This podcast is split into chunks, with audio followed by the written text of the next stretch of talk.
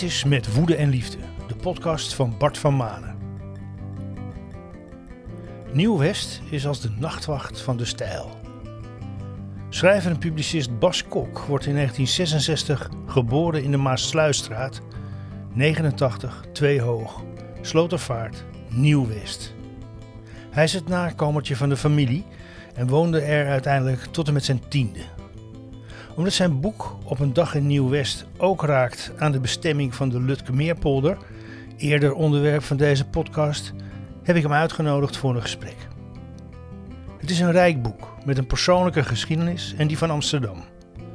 Over ontwikkelingen in de buurt met analyse van en dromen over de stad. Nieuw-West beslaat het grootste deel van het vooroorlogse algemene uitbreidingsplan van Amsterdam. Het plan is ontworpen door architect en stedenbouwkundige Cornelis van Eesteren. De bouw wordt na de oorlog in 1958 voltooid. Nieuw voor mij was het bestaan van de slaatuinen in West. Wat is dat voor plek geweest? Luister naar Bas Kok. Nou, de slaatuinen was eigenlijk in de Baarsjes uh, zaten die. Uh, daar heb je ook nu nog de slaatuinenweg. Sommigen kennen die. Uh, en daar werd eigenlijk best wel veel groente verbouwd. Van oudsher lag aan de westkant van Amsterdam tuinbouw. En die is er ook al heel lang gebleven. Dus okay. die zijn geleidelijk aan opgeschoven, het Rembrandtpark. En toen uh, werden het al kassen ook. En die kassen zijn naar Slotervaart gegaan. En die zijn uiteindelijk ook daar grotendeels gesloopt. Maar de tuin, land- en tuinbouw die heeft heel erg een uh, basis in de westkant van Amsterdam. Oké, en, en wanneer is dat echt helemaal verdwenen? Nou, er staan zelfs nog een paar kassen overeind. Maar uh, eigenlijk is het met de, wijk van, met de bouw van de wijk Nieuw-Sloten... zijn de laatste kassen toch wel uh, moesten plaatsmaken. En die, want die stonden daar met kapotte ruitjes en dergelijke. Maar die zijn, moesten toen plaatsmaken. En nu staan daar nog wel wat verdwaalde kassen hoor. Dus, en helemaal weg is het niet. Want de, de Lutkemeerpolder en het Voedselpark Amsterdam... Ja. Die zitten daar nog steeds. Ja, ja. nou ja, Voedselpark Amsterdam moet officieel nog uh, gevestigd gaan worden. Ja, dat is de ja, bedoeling. Ja, dat, uh, dat is en zo. nou ja, ik, ik heb jouw naam en jouw boek leren uh, kennen. Dat, dat werd genoemd in, in de kringen van het verzet tegen, tegen de komst van distributiedozen in de Lutkemeerpolder. en daar gaat jouw verhaal dan ook over. Dat, je hebt een paar keer gesproken in, voor deze mensen. Dat gaat Dat focust wel, dan ook echt op de op de slaatuinen in de oude Nou, tuinbouw, dat, of dat, niet? dat niet, niet. Het is uh, een onderdeel ervan. Kijk, ik, mijn verhaal op een dag Nieuw-West is eigenlijk gewoon de geschiedenis van Amsterdam-West.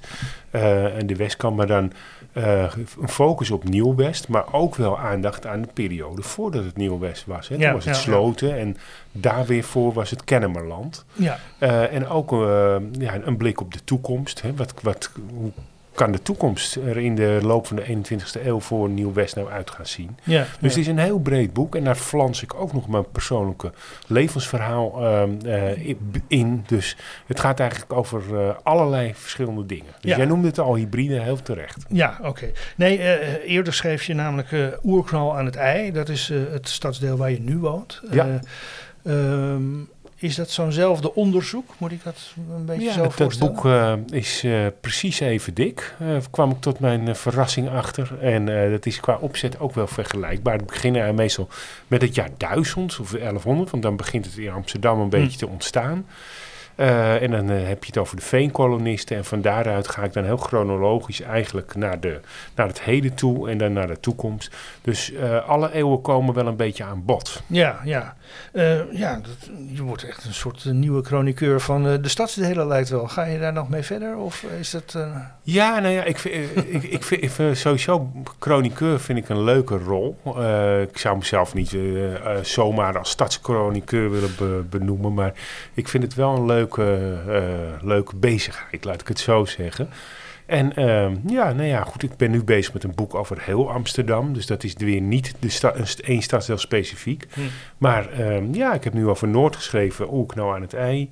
En dan nog een paar andere, wat kleinere boekjes over Noord. Nu op een dag in Nieuw-West over Nieuw-West. En uh, wie weet uh, straks een boek over Oost of over Zuidoost of over Zuid. Het kan allemaal. Ja, nee, precies. Want intussen heb je zoveel onderzoek gedaan dat je ook van die andere stadsdelen Ja, al veel ja. weet natuurlijk. Dus uh, nou ja, dan is de, de toevoeging chroniqueur is, uh, neem ik geheel voor mijn rekening.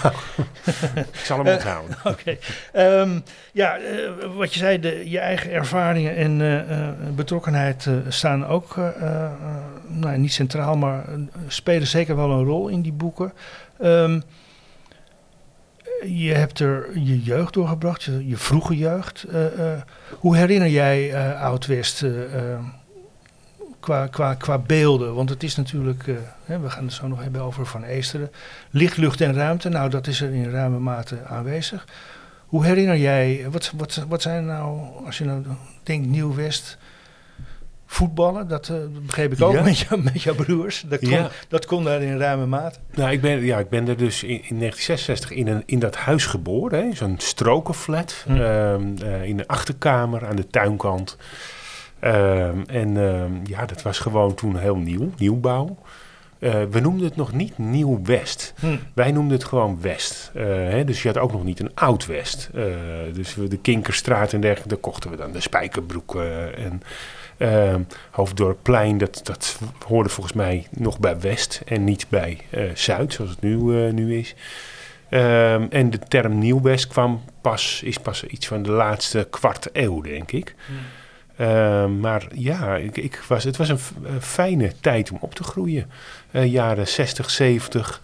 Ehm, ik vond het er eh, fijn. Het waren brede stoepen. Hè. Dus ik profiteerde wel van licht, lucht en ruimte. Eh, ik herinner me ook inderdaad de goede zoninval in de Maasluisstraat. Hij is heel perfect eigenlijk noord-zuid gebouwd. Dus de, de zon viel mooi in. En altijd een lichte woning. Voor- en achterkant balkon. Eh, en veel voetballen in die tuinen. Hoewel er eigenlijk niet eh, eh, mooie doelen stonden of kruifkoorts waren zoals nu. Maar het was een heel prettige wijk om in op te groeien. Ja, en, en je had natuurlijk ook daar vriendjes in de buurt wonen en dergelijke. School was daar ook in de buurt? Ja, ja er, wa- er waren dus allemaal scholen. Ik zat op de openbare school. Je had er de katholieke school. En de, eh, dus je had er best veel scholen. Want het was een kinderrijke buurt. Het was daar echt de babyboom. En het waren de wijken van, eh, waar de babyboomers konden wonen. Eh, mijn ouders waren, ehm, die zijn wel, waren dan van voor de oorlog. Maar die stichtten hun gezin in eind jaren 50. eh, gingen bij opa en oma inwonen, of hun opa en oma inwonen in de Jan Evertse straat was dat. Hm. Dus ze kwamen allebei uit de baarsjes. En eh, de, de gebruikelijke gang was dan dat mensen eigenlijk een beetje naar, naar de nieuwbouwwijk gingen. En dat was dan Nieuw-West. Ja. Dus eh, mijn hele familie komt eh, toch een beetje uit die Westhoek. En ehm, eh, eh, van oorsprong ook uit de Jordaan en dergelijke. En de Spaardammerbuurt, mijn opa's dan. En ja, mijn ouders gingen dan, eh, eh, eigenlijk, die maakten de sprong naar Nieuw-West. ja. Maar Sluisstraat. Nee, dat is ook, eh, een- dat herken ik ook. Eh, mijn, mijn ouders hebben ook eerst ingewoond bij hun, eh, bij mijn opa en oma in Ja. En dat Ah. was eigenlijk vergelijkbaar. Want dat is gewoon, was gewoon woningnood toen ook. En, zeker, ja. zeker heel erg. ja, en het- dus het was in die tijd ook redelijk normaal dat je eerst inwoonde voordat je je eigen woning had als, eh, als echtpaar. Ja, en mijn Ja. ouders woonden daar gewoon nog met twee. Met me. Ik heb dus een oudste broer en een oudere zus. En ook nog een andere eh, oudere broer. Maar die eerste twee, die zijn dus echt daar in de Jan Evertse straat eh, de eerste paar jaar opgegroeid. En pas toen kregen ze een woning. Want je moest geloof ik ook, het was wel een regel, dat je echt een paar kinderen moest hebben. En pas dan was je echt urgent, zeg maar. Ja, ja. En toen lukte het. Ja, ja, ja. En jouw broers, herinneren die zich dan nog? Of, of, of, De Jan Evertse straat. of is dat te... te Ehm, ik te geloof, mijn oudste broer eh, is van 1959 en die is, we- heeft wel zijn eerste twee jaar daar doorgebracht. Van 1961 zijn we in de nee, komen wonen. Ja, die heeft volgens mij wel een paar indrukken. Mijn zus Hm. volgens mij niet. Nee, oké, oké. Eh, nou, dan kom je dus eh, um, met, je ouders daar, of die, die wonen daar dan al en jij wordt daar geboren. in in zo'n zo'n zo'n nieuwbouwbuurt, die dan misschien zo niet heet, maar het wel is. Eh, heb je ook een beeld van de eh, ervaringen van andere mensen, van de buren? Wat, hoe, gingen die daarmee om? Hadden die eenzelfde achtergrond? Ja, nou kijk, eh, sowieso, je woont natuurlijk tussen al, al die buren in die nieuwbouwwijk als kind. Maar je vindt het volkomen vanzelfsprekend. Dat had ik wel... ik stond er eigenlijk nooit bij stil. We, we wisten niet wie de architect was of wat het idee was achter de westelijke tuinsteden. Want zo noemde, noemden we het volgens mij wel. West of de westelijke tuinsteden. Ja, Van Eesteren, je had er nooit van gehoord. Eh, bij wijze van spreken, of de stijl. eh, dat is de, toch de, de bouwkundige stroming waar het op gefundeerd is. Ja, Nou ja, we hadden geen idee. Nee. Eh, en ehm, ja, we maakten er niet veel woorden aan vuil. Het was vanzelfsprekend, maar we vonden het wel, we waardeerden het wel. Hè? Van, het was wel eh, prettig om een achterbalkon te hebben voor de was en een voorbalkonnetje. Waar je af en toe even in, de- in de zon kon eh, staan en zo. Ja, ik, en, en met de buren, ja, die waren allemaal vergelijkbare mensen. Mensen met gewoon normale Amsterdammers, zou ik het zeggen. Niemand was rijk, maar het was ook niet zo dat het een buurt van eh, allemaal eh, werklozen was of eh, van, schooiers. Helemaal niet. Het was nee. heel erg de gewone Amsterdammer. Nee, we lo- je, je loopt even een beetje vooruit op de, op de ontwikkeling van de buurt. Hè. Dat kreeg er een slechte naam door, Ja, later, ja, ja, ja door, was, arme, arme gezinnen en, en veel werkloosheid. En, en, en, Ja, toen kwamen problemen. ja, toen waren er problemen. Maar dat was toen nog niet. Maar dat is toen nog helemaal niet in Nee. de hand. En het waren gewoon normale Amsterdammers Zeker. uit verschillende wijken van Amsterdam. Ja. Waaronder de Jordaan en, en, en Ja, de, vooral eh, van de westkant van Amsterdam. Maar er kwamen ook, eh, van alles kwam erin. waar Ook, eh, ook Friese bijvoorbeeld. De, de migranten van toen waren dan Friese. Precies. Bij wijze van spreken. Dus Ja. we hadden best wel veel Friese. En ehm, eh, ook natuurlijk wel uit andere stadsdelen. Hè. Er kwam ook wel eens iemand uit Oost. Gewoon Pardoes in eh, Nieuw-West terecht. Dus het, het was wel van alles hoor. Ja, nou, je, je, we hebben het net al even laten vallen. Er zit ook een deel in van de geschiedenis. En dat is best wel interessant, want nu is het eigenlijk eh, ja, een vlek op de kaart. Maar eh, zo'n dorp als Sloten was heel erg belangrijk voor Amsterdam. Eh, de, de, de Slotenweg die er nog steeds is, is nog Ja. steeds wel verbinding. Maar ook bijvoorbeeld het verhaal van de Heilige Weg, vond ik ook wel heel bijzonder. Dat weten ook een heleboel Ja. mensen niet. Ja, wi- wist je dat? Van, eh, de, Nou, ik wist dat er iets. En ik wist het mirakel van Amsterdam. Ja, ja. Dat ken ik natuurlijk wel. de omgang. Ja, de stille omgang. De stille ja, nou ja, goed, het, het is gewoon, eh, dit- dat mirakel van Amsterdam in 1345 was best een belangrijk ding voor de stad Amsterdam sowieso. Want daar kwam het ook religieus op de kaart te staan. En dat was in de middeleeuwen bepaald niet onbelangrijk. Maar een van de weinige toegangswegen naar Amsterdam was de Sloterweg. En die eh, zijn we dus eh, steeds beter gaan eh bekeien en zo. via de, eigenlijk de, wat nu de overtoom is, maar dat werd toen de Heilige Weg. richting waar, de Heilige Weg waar het stukje nog is. Eh, en da- later de kapel ter Heilige Steden kwam. eh, en daar, eh, daar waar het mirakel gebeurde. De hostie die werd uitgebraakt, maar die niet verbrandde. Nou, dat heeft in de 14e eeuw een enorme beweging van mensen op gang gebrekt, gebracht. En ook het toerisme. En, en dat was allemaal, dat ging grotendeels ook via sloten, wandelde Hmm. men de Amsterdam in. Ja, want Sloten was toen eigenlijk groter misschien nog wel dan Amsterdam, of niet? Nou, sowieso was die gemeente Sloten enorm. Dat was veel groter dan Amsterdam qua oppervlakte. Qua inwoners ehm, eh, was Amsterdam natuurlijk ooit eh, eh, net zo klein als Sloten. Amsterdam begon onder andere door het mirakel heel snel te groeien. En later ook gewoon simpelweg doordat het als haven zo goed functioneerde. Dus eh, qua inwoneraantal groeide Amsterdam al snel uit tot een veelvoud van de gemeente Sloten. Maar de gemeente Sloten had altijd een groter grondgebied. Ook dus in de Gouden Eeuw was Sloten, eh, Sloten vele malen groter. Ja. En dat ja, kun je je bijna niet voorstellen. Want Sloten, het was toch een, ja, een, een aantal dorpen. Sloterdijk en eh, de Baarsje, Baarsdorp. En het waren gewoon een paar van die, van die kleine dorpen. Ja, ja, Ja. precies, precies. En, en natuurlijk, eh, ook niet onbelangrijk, het Noordzeekanaal was er toen nog niet. Dus de haven wordt belangrijker omdat die vanuit het eh, IJsselmeer werd Ja. benaderd natuurlijk. Ja, nou, En- vanuit de Zuiderzee eh, Ja. eigenlijk toen. Hè, toen eh, dus dat die, die, ja, alles kwam vanuit het oosten. De, de zee, eh, de verbinding met de Noordzee was er niet. Die is pas in de jaren 70 van de 19e eeuw gegraven.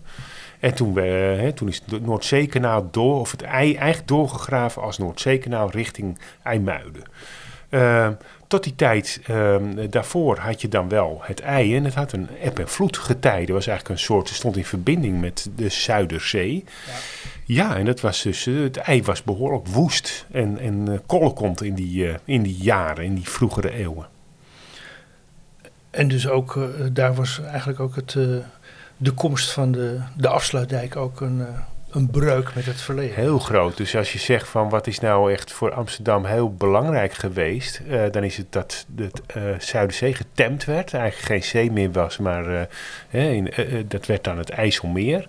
En later we, met, met nog weer de Enkhuizen-Lelystad, die dam, is het Markenmeer ontstaan. En Uh, nou ja, dus we zijn het ijs sowieso heel erg gaan de, uh, temmen en dempen. Dus er zijn ook heel veel stukken aangeplemd in het ijs. Steeds, het begon al met de eilanden van de, de oostelijke eilanden, de, uh, de, waar de houthavens nu liggen, die eilanden. Hm. en ja, dat hebben we eigenlijk wel constant gedaan. Ook in Noord zijn natuurlijk het Buiksloterham, Nieuwedam en de Dam, Noorder-Eipolder. Ze zijn steeds gaan polderen om Amsterdam maar meer grond te geven. Ja, en meer grond, dat was ook nodig, omdat er meer mensen kwamen. En heeft ja. dat ook te maken met het, uh, het ontwikkelen van het uh, uh, algemeen uitbreidingsplan? Ja, nou, het algemeen uitbreidingsplan, daar is in principe niet per se heel veel voor ingepolderd. dat, dat valt wel mee. alleen in de, zeg maar, het westelijk havengebied, de Westpoort noemen we dat tegenwoordig daar zijn wel stukken van het ei uh, nog verder uh, gepolderd, geplemd. Uh, maar de, de, de, westkant van Amsterdam was toen al behoorlijk ja, op, op de hoogte of op bebouwbaar, zeg maar. Hm. Er moest alleen heel veel zand op. En het zand hebben we toen opgegraven uit de Slotenplas en ook voor een deel uit de Nieuwe Meer. en dat is, uh, ja, dat, dat is opgehoogd tot het bouwrijp was. En toen kwam daar, uh, was daar opeens de Slotenplas terug. Hè, want die was uh, heel lang weg geweest. was gewoon boerenweiland. Oh, dat was weiland eerst? Ja, dat was, okay. dat was gewoon een paar eeuwen lang weiland. Uh, mijn vader heeft er in de oorlog nog uh, uh, bij boeren aangebeld om aardappelen of dat soort dingen. Want het waren, stonden gewoon een aantal boerderijen en het was gewoon niet te onderscheiden van de overige weilanden. Dus er was geen slotenplas. Okay. Dus slotenplas, het woord slotenplas is pas in 1950 ontstaan, zou je kunnen zeggen, toen, toen hij er lag. Ja, ja. omdat er heel veel zand nodig was. En dat zijn we uit gaan graven uit de, de verschillende zandlagen die in onder Amsterdam liggen. En dan uh, moest je tot 35 meter graven. En uh, vandaar dat die slotenplas zo diep is. En dan kon je grond, uh, zandgrond gooien op Nieuw-West, waar je wilde bouwen. Oké, okay, en het was eigenlijk een, een kleipolder of kleigrond? Wat was het? Ja, want Amsterdam is Kijk, het is een veengebied. Hè? Van, ja, in precies. principe is het een veengebied, maar de westkant van Amsterdam heeft relatief veel kleigrond. En dat heeft misschien te maken met het dat het toch meer de kant van de kust is. Het is het, van oudsher is het het enige deel van Amsterdam dat Kennemerland was. Dus het deel van de kust, hè, zeg maar, waar, Haarlem ligt en waar uh, Castricum ligt. Uh, en dat uh, kan verklaren waarom daar ook tussen die veengrond, want het is ook gewoon, was ook gewoon hoogveengebied, maar, dat, maar wel meer gemengd ook met kleingrond. En daardoor ook heel vruchtbaar, want kleigrond uh, kun je andere dingen op verbouwen, is behoorlijk vruchtbaar. Precies. Veengrond is toch wat meer geschikt voor vee, bijvoorbeeld, hè, voor koeien. Ja, ja. Dus waterland is echt, en Amsterdam zijn echt ook wel gebieden van de koeien. Ja. Uh, ja, dus, dus, dat, dus dat, dat is grappig dat die oude veengeschiedenis, of die oude geschiedenis, die heeft dus wel uh, aan de westkant van Amsterdam een wat kleiig uh, elementje. Nou ja, dat is ook precies natuurlijk waar de voorstanders van het behoud van de Lutkemeerpolder natuurlijk steeds op hameren. Het is vruchtbare zeegrond. Ja, daarom vind ik dat ook zo mooi. Ja, ja de ja, zeeklei. Daar, je hebt ook rivierklei, hè, maar dit, dit is dan zeeklei. Ja, dat is gewoon een heel goed initiatief. Die, die ook kijkt naar de roots en naar de grond. Hè? Want waar, waar kom je vandaan? Wat ben je? Ik kijk graag op zo'n manier naar de identiteit van een gebied. En dan denk ik van, ja, die geschiedenis van land- en tuinbouw, die is er niet voor niks geweest. En het is ook heel goed om in deze tijd, waarin we toch wel een beetje van alle dingen vervreemd zijn geraakt om ook weer even te kijken, te dromen. Daarom noem ik het oude en nieuwe dromen van een Amsterdamse tuinstad. Ja. Van ja, waar komen we eigenlijk vandaan? Je kunt wel allerlei dromen verzinnen, maar het is zo mooi om die dromen ook te aarden in, in je eigen bodem. Ja, nou dan gaan we toch weer even terug naar een andere droom. Die van Cornelis van Eesteren, stedenbouwkundige en architect. Maar uh, toch met groot uh, nadruk op het stedenbouwkundige aspect. Dus het, het ontwerp van een hele wijk, een ja. stadsdeel. Uh, dat, dat had toch zijn aandacht. hij was internationaal vermaard en ook internationaal bezig. Had veel internationale contacten in Frankrijk, Duitsland met architecten. Ja, zeker. Um, wat was dat voor een man volgens jou? Nou, hij was een uh, ambitieuze man. Uh, al heel jong uh, kwam hij op een gegeven moment op het pad van de kunst kun en bouwkunst vooral. en ja, al heel jong wist hij toch wel wat hij daarmee wilde. Hij was aanvankelijk wel nog in de stijl van de Amsterdamse school bezig. Want dat was eigenlijk in het begin van de 20e eeuw. Hè, een beetje de tijd van Berlage en Plan Zuid. Michel was Klerk. De, ja, was de Spaardammerbuurt. Tentoonstelling over is ook. Ja, precies. Ja. Prachtige architectuur. Maar dat was in het begin van de 20e eeuw uh, wat de klok sloeg, de Amsterdamse school. En niet alleen in Amsterdam overigens. Um, en Van Eesteren die uh, ontdekte een andere stijl. Die kwam in contact met Theo van Doesburg en die, uh, nou ja, die was van de stijl. Uh, net als Piet Mondriaan. Ja, net als Piet Mondriaan en Gerrit Rietveld. En dat was de grote tegen, antipoot van de Amsterdamse school. Want dat was expressionisme. Dat was gevoel, dat was sierlijkheid, het was reliefs. ja, die wilden ook mooi bouwen. En de stijl was juist heel erg een andere, andere gedachte toegedaan. Het was recht, geometrisch, orthogonaal, uh, transparant. Het hoefde niet orthogonaal, nooit... sorry? Ja, orthogonaal. Dat is een beetje wiskundig. Oké, okay, ja, ja. Uh, dus uh, ja, dus rechte lijnen, horizontale, verticale. een beetje die Mondriaan-schilderijen. En dat wilden ze ook bouwen in stoelen en in steden en in huizen en... Uh, maar dat was volkomen anders. Het was de ratio ook. Ja, ja, ja. Het hoefde niet mooi te zijn, liever niet zelfs. Uh, het moest functioneel zijn. Ja, precies. Die functionaliteit is heel erg belangrijk. Ja, en de lichttoetreding en dergelijke. Dus daarom dachten ze heel erg volgens het kompas van wat is zuid, wat is noord, mm. waar komt de zon vandaan, hoe laten we een zon in een straat vallen, hoe krijgen we uh, de donkere binnenhoven, die Amsterdam tot die tijd al vijf eeuwen lang niet anders bouwde. Hè. Sinds de grachtengordel ja. hebben we het gesloten bouwblok en we deden eeuwenlang niet anders. En opeens zei Van Ezen, nee, we gaan het anders doen en niet een beetje anders, compleet anders. We gaan, ja. gaan uh, de hoeken niet dichtmaken, dus geen gesloten bouwblok, we maken open stroken. Uh, daar valt het licht goed in, dan kan, kan het gras, de tuinen kunnen goed groeien en er zijn ook nog publiek. Dus er, was, zat ook een beetje een wat communistisch, socialistisch gedachtegoed uh, achter. Mm -hmm. Van iedereen moet toegang hebben tot dezelfde uh, mooie binnentuin. Hè? De ja, grachtengordel is tegenovergesteld. Dan zegt iedereen van, oh, je moet eens één keer per jaar komen kijken naar die prachtige binnentuin van de grachtengordel. Ja. En 364 dagen van, ja, van het jaar zijn ze niet van jou, want dan zijn ze van die rijke mensen in de grachtengordel. Ja, ja dat is een heel andere gedachte. Dus het is complete revolutie geweest, uh, wat Van Eesteren en de Kumsui deden.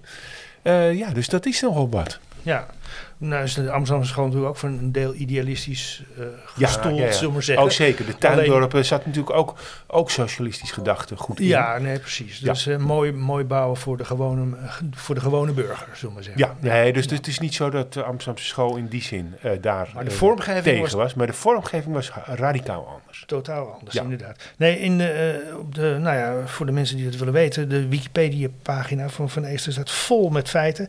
Maar hij zegt ook inderdaad, daar wordt ook gezegd van uh, maatschappelijke problemen wilde hij ruimtelijk oplossen.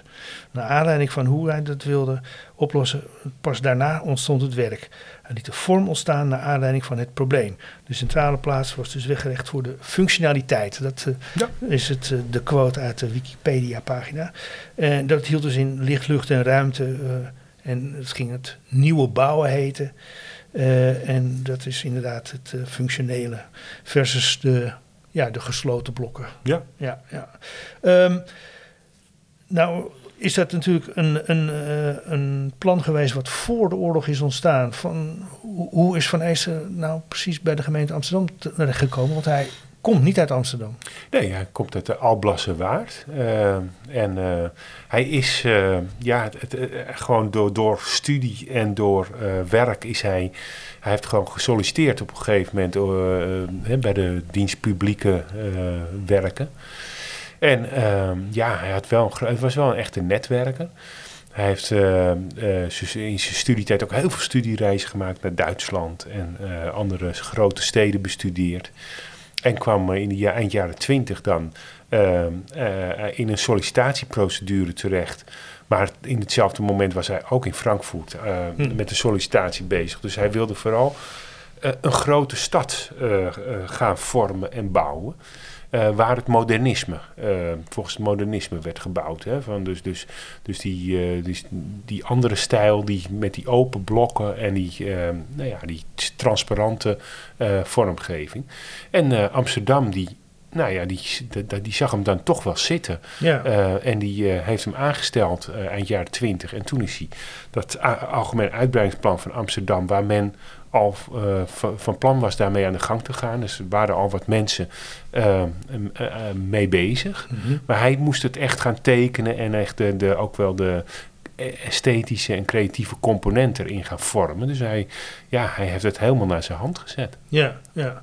En dus natuurlijk uh, Nieuw-West, dat is eigenlijk het grootste gedeelte geweest, maar het heeft zich ook afgespeeld in andere stadsdelen. Precies, het is het algemene Dat weten veel mensen ook niet natuurlijk. Nee, het is algemeen, dus het was ook buiten is, is ook van zijn hand. Uh, en uh, buiten maar ook een stukje rivierenbuurt hè, bij de president Kennedy-laan en de, de rechtbank. Uh, en een stukje Amsterdam-Oost was ook onderdeel ervan, maar dat, dat moest er een beetje ingeflanst worden. Hm. En later is ook zelfs een stukje Noord toegevoegd, hè, Nieuwedam-Noord en de Bannen. Uh, dus, uh, dus ja, daar zijn eigenlijk ook wel uh, stukjes AUP, maar dat herkennen we niet zo als zodanig. Maar de westelijke tuinsteden zijn toch wel het meest herkenbare en grootste ehm, ja, ensemble uit het algemeen uitbreidingsplan. Ja, en um dus het is dus de, de bouw zeg maar begonnen zo eind uh, jaren 40, na de oorlog. Er is het eerste stukje net voor de oorlog gebouwd bij Bos en Lommer. Dat was dus uh, ja, eind jaren 30. Hm. Toen is uh, Bos en Lommer vorm gegeven. Uh, en dat was, vond men niet zo'n succes. Die, men zocht toen nog heel erg naar de juiste maat eigenlijk. Want we gingen voor het eerst open stroken bouwen. Maar ja, hoe doe je dat dan goed? En ze hielden nog iets te veel de maat van de grachtengordel aan en wat men altijd deed. En dan vond men toch van ja, dat pakt toch een beetje il uit. En die, is dit nou zo'n revolutie? En dan hè, een beetje stroken die iets te dicht op elkaar stonden. En later zijn ze die maat tussen de stroken, die afstand, iets groter gaan doen. Dus in Slotermeer en Geuzenveld zien we voor het eerst uh, het, ja, die nieuwe uh, het nieuwe bouwen in de, vol ornaat. Met de juiste maatvoering en dergelijke. En, dat, heeft hij zelf ook ge geantameerd, zeg maar? Ja, hij heeft ook die aanpassingen zelf gedaan. Ja, ja toen, uh, hij moest meer aanpassingen doen, want de, de auto werd ook steeds belangrijker. Voor de oorlog hadden ze wel een idee van, nou ja, die auto gaat, gaat er ook rijden. Maar eigenlijk uh, zo eind jaren 40 hadden ze door van, ja, iedereen rijdt straks in een auto. Hm. Uh, en uh, we moeten maar snel de wegen verhoogd aanleggen en de Lelylaan. En de, toen is ook het idee ontstaan om de ringweg, ring A10, hm. verhoogd aan te leggen. Dat was aanvankelijk niet de bedoeling. Aha. Dus ja, dus dat is de, dus de auto moest, dat het idee was dan functiescheiding. Hè? Dus auto's en voetgangers en fietsers mochten elkaar vooral niet Opnieuw de functionaliteit. Ja, ja, dus die functionaliteit die werd dan, die kon hij dan heel mooi voor, uh, eigenlijk, uh, ook tot uiting brengen in verhoogde rijbanen. En dat was dan een, soort, ook een soort ideaal eigenlijk. Een soort, uh, want tegenwoordig vinden we dat helemaal niet meer zo leuk, uh, auto's op uh, taluut en dergelijke. Maar hij vond dat juist ook wel heel goed en heel schoon en heel veilig. Ja. Nee, ik, ik, ik, uh, ik sprak gisteren dus iemand die er ook in zijn jeugd heeft gewoond, maar die uh, herinnerde zich dus ook inderdaad de ruimte en dat er inderdaad je kon eigenlijk overal spelen omdat er nog geen auto's waren. Ja, hoe vaak ik mijn schooltje stond, lagere school stond aan die ringweg. Maar ja, het was gewoon een leuk zandberg waar je altijd op, op klauterde als je net iets te vroeg was. En dan klauterde je erop en zo. Dus dat is een soort, uh, ja, we hadden niet eens een idee dat daar de ring A10 zou komen. Nee, nee, nee. Um, nou goed, dan is die, uh, die wijker en uh, ja, die verandert dus qua samenstelling. nou ja, wat is het in de jaren, eind jaren 70, begin jaren 80 al sterk? Nou ja, jaren 70 denk ik nog niet. Het, het gebeurt toch eerder eind jaren 80 en hm. jaren 90. Oké. Dat is toch wel echt ehm, de, de grote omslag, denk ik. Um, toen was ik er al weg, hè, want ik ben in 1966 geboren, 1976 weggegaan. Toen ben ik naar Amsterdam-Noord verhuisd. Ehm, en, eh, dus dat is ook wel gedeeltelijk buiten mijn scope gebeurd. Maar ik heb er natuurlijk wel veel over gelezen. Want in de Hm. jaren negentig las je opeens van... oh, eh, eh, Bos en Lommer of Nieuw-West, dat is Schotel City. En ehm, eh, er wonen alleen maar Marokkanen en, en Turken. Eh, en eh, zo hoorde je ook over de Bijlmer van... er wonen alleen maar eh, Surinamers eh, of Afrikanen. Eh, dat was eigenlijk voor het eerst dat, dat ik echt merkte dat Amsterdam heel gesegregeerd eh, begon eh, Hm. te worden. Ja. Althans, het begon echt goed zichtbaar te worden. Dus er is heel veel veranderd. En in Nieuw-West was die groep, behalve dat het een heel eh, natuurlijk Turken en Marokkanen veel al waren, was het ook vaak een arme groep die de taal niet sprak. Eh, dus dat was eh, voor Nieuw-West wel een, ja, hoe noem je dat? Een, Nieuw- Nieuw-West werd dus kwetsbaar. Hm. En dat ging ook gepaard natuurlijk met te grote gezinnen in te kleine woningen. Dus jeugd gaat op straat eh, hangen en dergelijke. Dus, en met Ja. problematiek dan. En kwetsbaar, dat, dat heeft echt te maken met de achtergrond van die mensen en, en kennis van Nederlands, laagbetaalde banen. eh. maar jij denkt ook, dat, dat merkte ik in eh, het lezen van je boek, dat je je daar echt over, wel over opwindt, dat dat gewoon eigenlijk onderdeel was van het beleid. Nou ja, dat zullen politici niet graag horen, dat hun beleid tot segregatie heeft geleid. Ja, en dat, ik ben dat helemaal gaan uitzoeken van waar is dat nou eh, begonnen. Want eigenlijk tot dan toe dacht ik dat is dus in de jaren 90 begonnen. Of, Hm. of misschien eind jaren 80.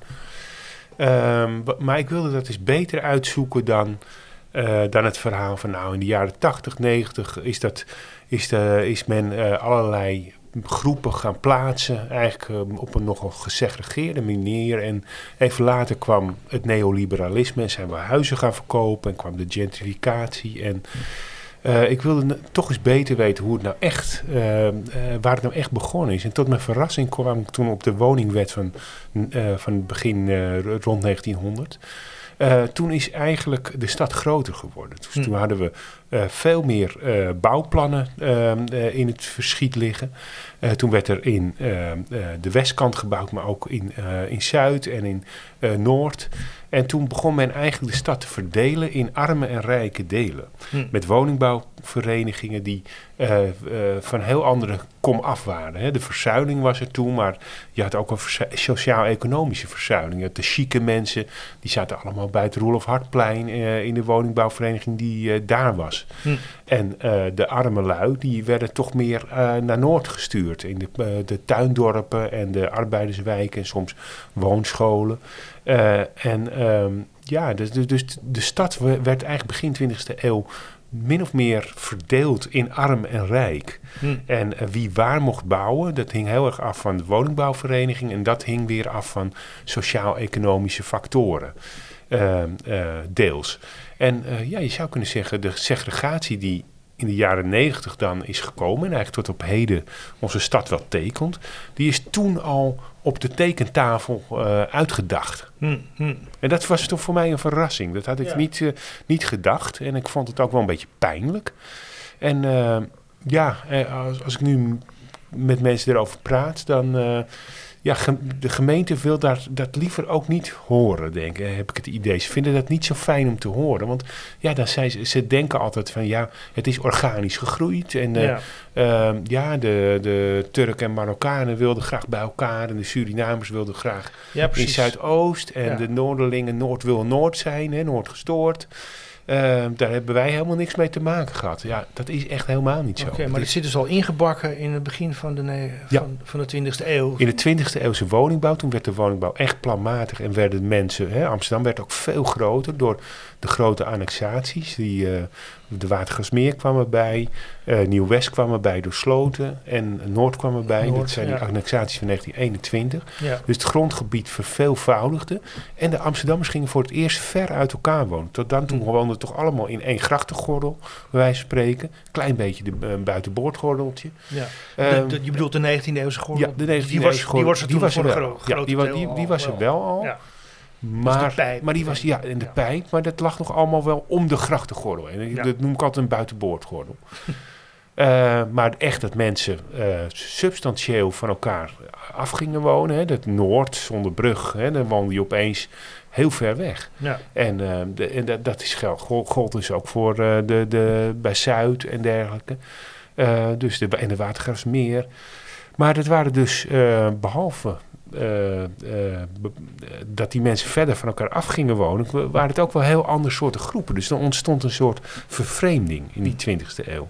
En dat is, nee, dat, je zou kunnen zeggen, dat is misschien niet moedwillig zo gepland, maar het is wel gepland. Ja, en gewoon het gevolg van het beleid. Het gevolg, het is het gevolg van het. Is, Ik weet niet of je nou echt moet zeggen, we wilden segregeren, maar het gevolg van het beleid was segregatie. Heb je een idee hoe dat momenteel gevoeld wordt of, of behandeld wordt in de, in, in de Amsterdamse politiek? Want die moeten toch ook weer plannen gaan maken hoe het verder moet.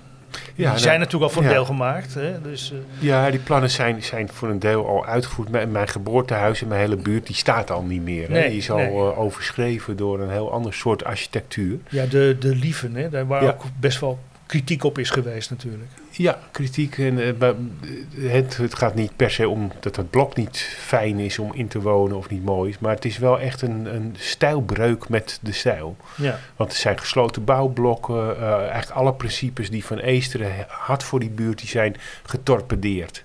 Dus de lichtinval, waar je de hoge wand en de lage wand zet. Ja. Ehm, uh, hoe een tuin eruit ziet, uh, of er gemakkelijk zon kan komen. Nou, het is allemaal aan de laars gelapt. Je zou kunnen zeggen, het is uh, omvergeblazen. Ja. Ehm, zonder respect. dus er zit geen, echt geen enkele rekenschap wordt er gegeven van de gedachte, van de architectonische stedenbouwkundige gedachte van de westelijke tuinsteden. Je noemt het liefdeloos. In Liefdeloos, ja. In, het is, in, ja. in, een artikel in het Parool ja. over je boek, ja. Ja, dus de, hoe ermee omgegaan is de afgelopen twintig jaar, maar ook de, de rest van de Maasluisstraat gaat binnenkort ook tegen de vlakte, hm. had ik, heb ik laatst gehoord. Oh. Het is liefdeloos, respectloos en ook zonder enige kennis. Dus het is, uh, ja, wat daar gebeurt is tamelijk uh, uh, zonde, vind ja, ik. Ja. Want het is, want, en want waarom, het is de nachtwacht van de 20e eeuw, dat klinkt wat, wat hoogdravend, maar het is wel Um, wat mensen soms vergeten is dat de stijl, die, die stroming van Van Eesteren en Mondriaan, dat is onze allerbelangrijkste kunststroming die Nederland ooit heeft voortgebracht. Uh, uh, we zijn daar dus uniek mee geweest in 1917 in de wereld. En het heeft een enorme impact gehad. Het hangt in alle musea van de wereld. Maar het heeft ook het heeft Bauhaus bijvoorbeeld gevormd. Bauhaus was tot dan toe expressionistisch. En Theo van Doesburg en Van Eester, die hebben dat, uh, die, uh, die school omgevormd tot een hm. modernistische uh, aanpak. En nou, zo hebben we ook invloed op de Amerikaanse wolkenkrabberarchitectuur gehad. Dus het is, het is eigenlijk onze kunststroming met de meeste wereldwijde impact. Ja. En het grootste ensemble daarvan, dat vind je dus in de westelijke tuinsteden. En daarom zeg ik van ja, zoals uh, Rembrandt onze nachtwacht uh, het belangrijkste uh, werk van de barok is, is het van de stijl het belangrijkste werk de westelijke tuinsteden. En het is niet een schilderij, maar het is wel een, een ensemble, een uitgedacht werk. En daar gaan we mee om alsof het niks is. Dus we, we slopen het, interesseert ons niet. En als je het ze zegt, wat ik een paar keer gedaan heb, dan interesseert het er nog niet. te zeggen, nou, we gaan lekker slopen. En je hebt het nu over de, de, de publieke diensten die nu zijn in de, de, politiek. Ja, de ja dus de, wie, wie dat zijn, zijn niet alleen politie, natuurlijk ook ja, uh, bouwers en mensen en, en uh, corporaties en dergelijke. Maar dat, ja. die, dat, die groep die zegt natuurlijk voor een deel ook wel van... goh, ja, dat is niet zo best. Of hè, sommige mensen, soms is er een luisterend oor voor. Hm. Maar als je kijkt wat uiteindelijk beslissend is en wat er uiteindelijk gebeurt... zeggen ze van nou, uh, die Maasluisstraat... die gaan we dan uh, na lezing van het boek... toch maar eens helemaal tegen de vlakte gooien. Hm. Uh, en ja, we laten ons er toch niet door beïnvloeden. Ja. Dus ze leggen het na zich neer. Jouw idee is dat het eigenlijk ook heel goed gerenoveerd zou kunnen worden. Zeker, ja. Dat, het, het is ook veel milieuvriendelijker, dus het is ook beter voor het milieu. Je kunt uh, flink ingrijpen uh, door te renoveren en op te toppen. Uh, dus het is geen enkele probleem om meer woningen er neer te zetten. Um, ja, en eigenlijk is het veel beter voor het milieu. Het is uh, goedkoper. Dus alle, er zijn alleen maar voordelen. Het is het in stand houden van dat, uh, uh, nou ja, dat ensemble ja, met, ja. met zijn waarde. Um, dus ja, eigenlijk zijn er alleen maar voordelen. Maar ja, die zien ze niet. Of willen ze niet zien, want... Ja, nou, ja, nou die willen ze niet zien, want het is gewoon... Projectontwikkelaars ja. willen veel geld verdienen. Nee, ja, ze denken, ja, ik weet niet, slopen levert natuurlijk ook geld op voor bepaalde partijen. En, um, en het is ook wel gewoon toch onwetendheid. Dan denken we, ja, het is troep of zo. Van, uh, de, niemand wil er wonen of niemand vindt het mooi. Ja, het is toch wel echt een beetje gebrek aan eh, je eh, goed inleven in de stad en, en goed naar de stad kijken. Ja, nee, want dan komen we toch bij de, de dromen die je hebt over, over Nieuw-West. Eh, eh, wat zijn wat jou betreft eh, eh, nou, de, de, ja, mocht je het opnieuw willen vormgeven naar jouw eh, idealen, wat, wat zou dan het, het belangrijkste zijn dat er zou moeten gebeuren? Nou, dus het belangrijkste heb ik dan genoemd. Hè. Ik vind dat de, de renovatie en transformatie van Nieuw-West en de westelijke tuinsteden met name, die moet met veel meer respect gebeuren voor wat er staat en voor die uitgangspunten van de stijl. Dus, dus dat, eh, eh, die verticale en horizontale, de zichtlijnen, de, de kavel, eh, het kavelontwerp. Ja, Eh, dat, is, dat is een heel mooi geheel en dat zou eigenlijk eh, gerespecteerd moeten worden. Hm. Ehm, een soort beschermd stadsgedicht. ja, en ik zou, ja, ik zou, ik zou er echt graag een beschermd stadsgezicht voor maken. Zoals eh Berlage Zuid en de Grachtengordel en dergelijke dat ook zijn. En Hmm. ook heel veel tuindorpen in Noord. Ja. Dat is helemaal niet zo raar eigenlijk. Het is eigenlijk... eh, Nee, het is een beetje raar dat ze vergeten ja, zijn. ja, het is raar dat, Dat ze vergeten zijn. Ja, Ja, dus, dus, dus, dus dat, dat, dat, zou ik, dat, dat moeten we alsnog doen, die logische stap. Verder denk ik dat ook de verbinding na- naar het ei. eh, we, zijn het ei daar Noordzee- Noordzeekanaal gaan noemen. Wat eigenlijk een beetje vreemd is, want het was altijd eeuwenlang het ei. Hm. Ehm, en waarom zijn we dat stukje nou Noordzeekanaal genoemd? Dat doen we ook niet bij het Centraal Station. En daar hebben we ook ontzettend veel aangepast en aangeplemd.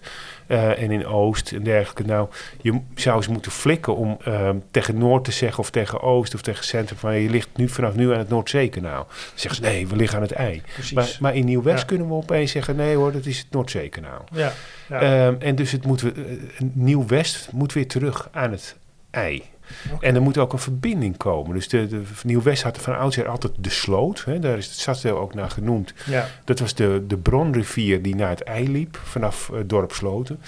En die moet eigenlijk gewoon weer, ehm, de- die verbinding moet er weer komen. Dus eh, Ja. Nieuw-West moet weer aan het ei komen te liggen, moet goede verbindingen naar het ei krijgen. En ook, ehm, nou ja, ik denk in een verbinding met Zaanstad, bijvoorbeeld bij Hmm. de Hemweg. Ehm, dus dat, ehm, ja, dat, dat, Westpoort, dat vind ik toch een soort griebus. Die eh, ook wel natuurlijk zo, als havengebied wel zijn, nut heeft. Maar die moeten we niet helemaal anonimiseren tot een soort moloch die nergens bij Nee. hoort.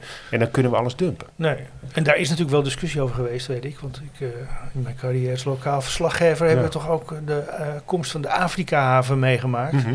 En die werd toen al eigenlijk werd, werd bediscussieerd over, van, nou ja, is dat ding überhaupt nodig? En het heeft natuurlijk veel verstoord, want de hele eh Ruigoord eh, Ja. gemeenschap die eh, liep daar tegen de hoop. En ik denk terecht, ja, want ja, hoe groot kan Amsterdam nog worden als haven? Ik bedoel, daar zijn ook grenzen aan de Ja. groei, zou ik zeggen. Lijkt me ook. En bovendien is het een haven, leg je bij de zee, een zeehaven. Eh, dus de, eh, de oplossing is al bijna, kijk, Tata Steel gaat een keer weg. Er ligt een enorm terre- terrein, straks eh, braak, waar je heel goed, dus veel logischere plek. En dan kun je met kleinere schepen de doorvaart doen. Dus sowieso heeft die haven in Amsterdam niet zo'n logische plek en niet de beste plek. Ehm, eh, dus, dus inderdaad, je kunt je afvragen of dat nou zo goed is om daar zoveel ruimte voor vrij te maken. En ook, hij is voor een groot deel ook fossiel, hè, dus kolen, eh, petroleum. Dus het is ook een verschrikkelijk vieze haven gedeeltelijk.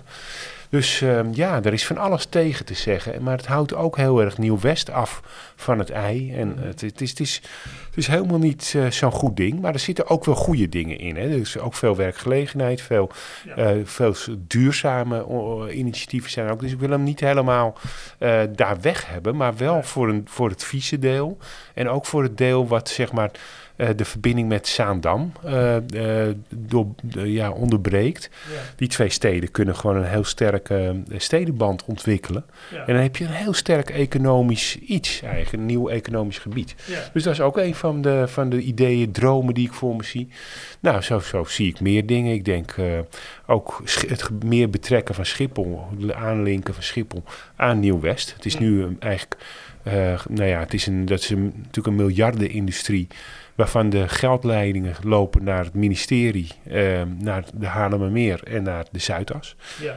Eh, ja, de enige die geen geld eh, voor zijn overlast krijgt, is het enige stadsdeel dat er echt aan grenst. Dat is Nieuw-West. Ja. Dus koppel wat meer ook de lusten eh, van Schiphol naar eh, Nieuw-West terug. En verbindt het ook visueel veel beter. Want geluid met je oren wil je het niet horen, maar je wil het wel zien. En het is ook, eigenlijk staan alleen maar hekken en het is alleen maar eh, onderbreking. Maar la- laat dan ook de leuke dingen ervan zien. Van dat je een mooi, een mooi uitkijkpunt bij de Nieuwe Meer en Ja. een leuk horecacentrum daar. Hm. En je hebt er een attractie bij. Nou ja, ja, dat vragen sommige mensen zich natuurlijk ook af. Is Schiphol, is dat nog wel een attractie voor, de, voor Amsterdam?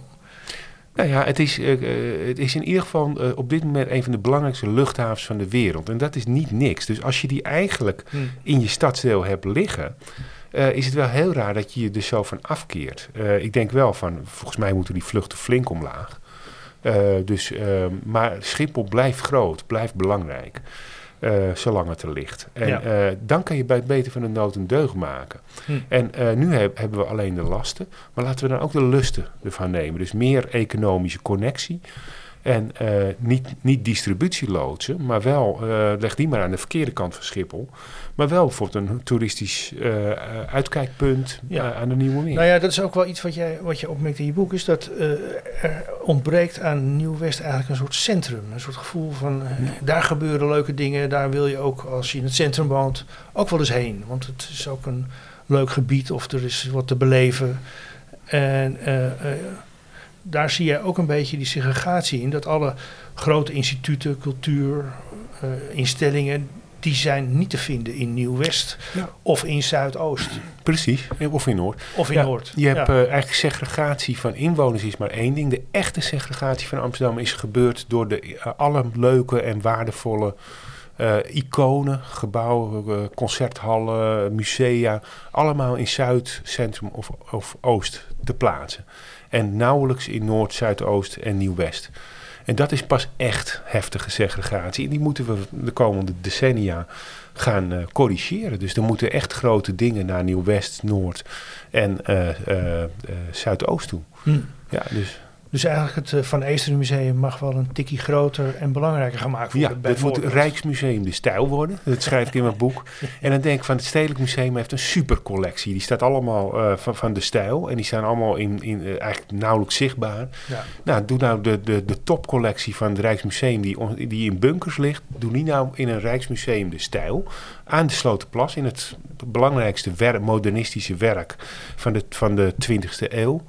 Eh, van de wereld. En ehm, nou ja, daar krijg je miljoenen toeristen naartoe. Want dat is zo'n belangrijk museum meteen. Want we zijn, wij zijn het land van de stijl, het land van het modernisme. Wij hebben de wolkenkrabbers van Amerika ook eh, van glas en beton gemaakt.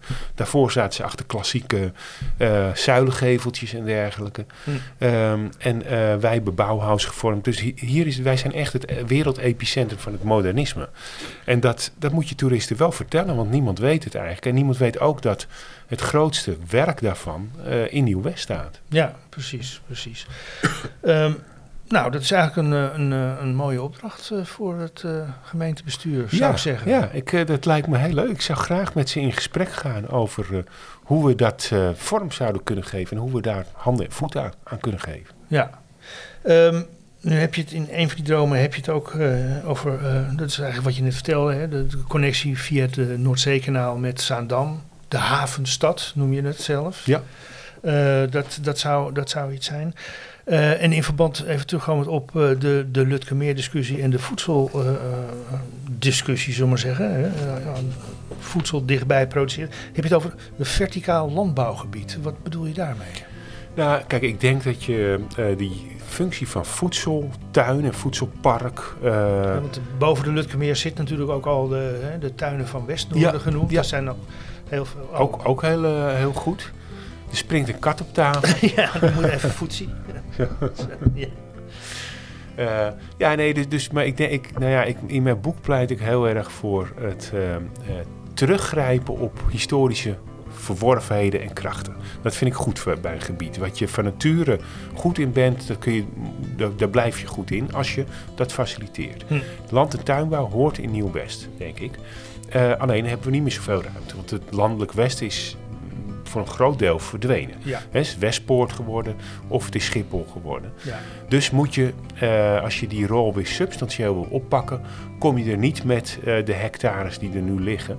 Dus die uh, goede zeekleigrond, die moet je zeker benutten. Maar daar waar het gewone veegrond is, of al lang op de schop genomen, zandgrond bij omdat er gewoon zand op is gegooid, dan kun je op die plekken ook wel verticale landbouw plegen. Dat is in uh, Amerikaanse steden is daar goede ervaring mee opgedaan. Uh, eigenlijk een, je zou kunnen zeggen, uh, de kassenbouw die we in de 20e eeuw in Nieuw-West heel erg hebben ontwikkeld. Maar dan een gestapeld kassengebouw. Ja, kan ook heel leuk zijn, dus, dus, dat kun je vormgeven als de kassen van sloten, maar dan op elkaar. En dan maak je een gebouw van 20 verdiepingen van of iets dergelijks.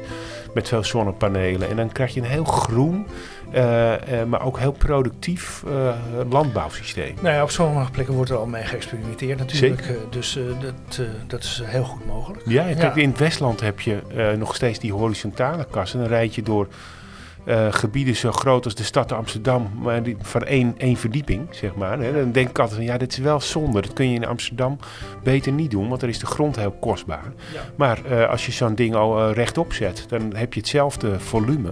Alleen nou, heb, je een heel, heb je de kassen van sloten terug. Ja, wie weet. Meer dromen en verhalen van Bas Kok in zijn boek Op een dag in Nieuw-West. Dat is verschenen bij uitgeverij Olivia Media. Wat mij betreft van harte aanbevolen. Voor de feestelijkheden van 750 jaar Amsterdam losbarsten, komend najaar, kunnen we een nieuw boek van hem verwachten, dan over de gehele stad. Dit was Met Woede en Liefde, een podcast van Bart van Manen in samenwerking met Studio Klankplank.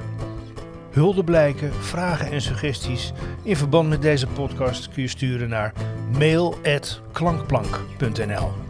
Wil je deze podcast financieel steunen? Dat kan via Petje Af. petjeaf.com slash met Aan elkaar. Tot de volgende keer.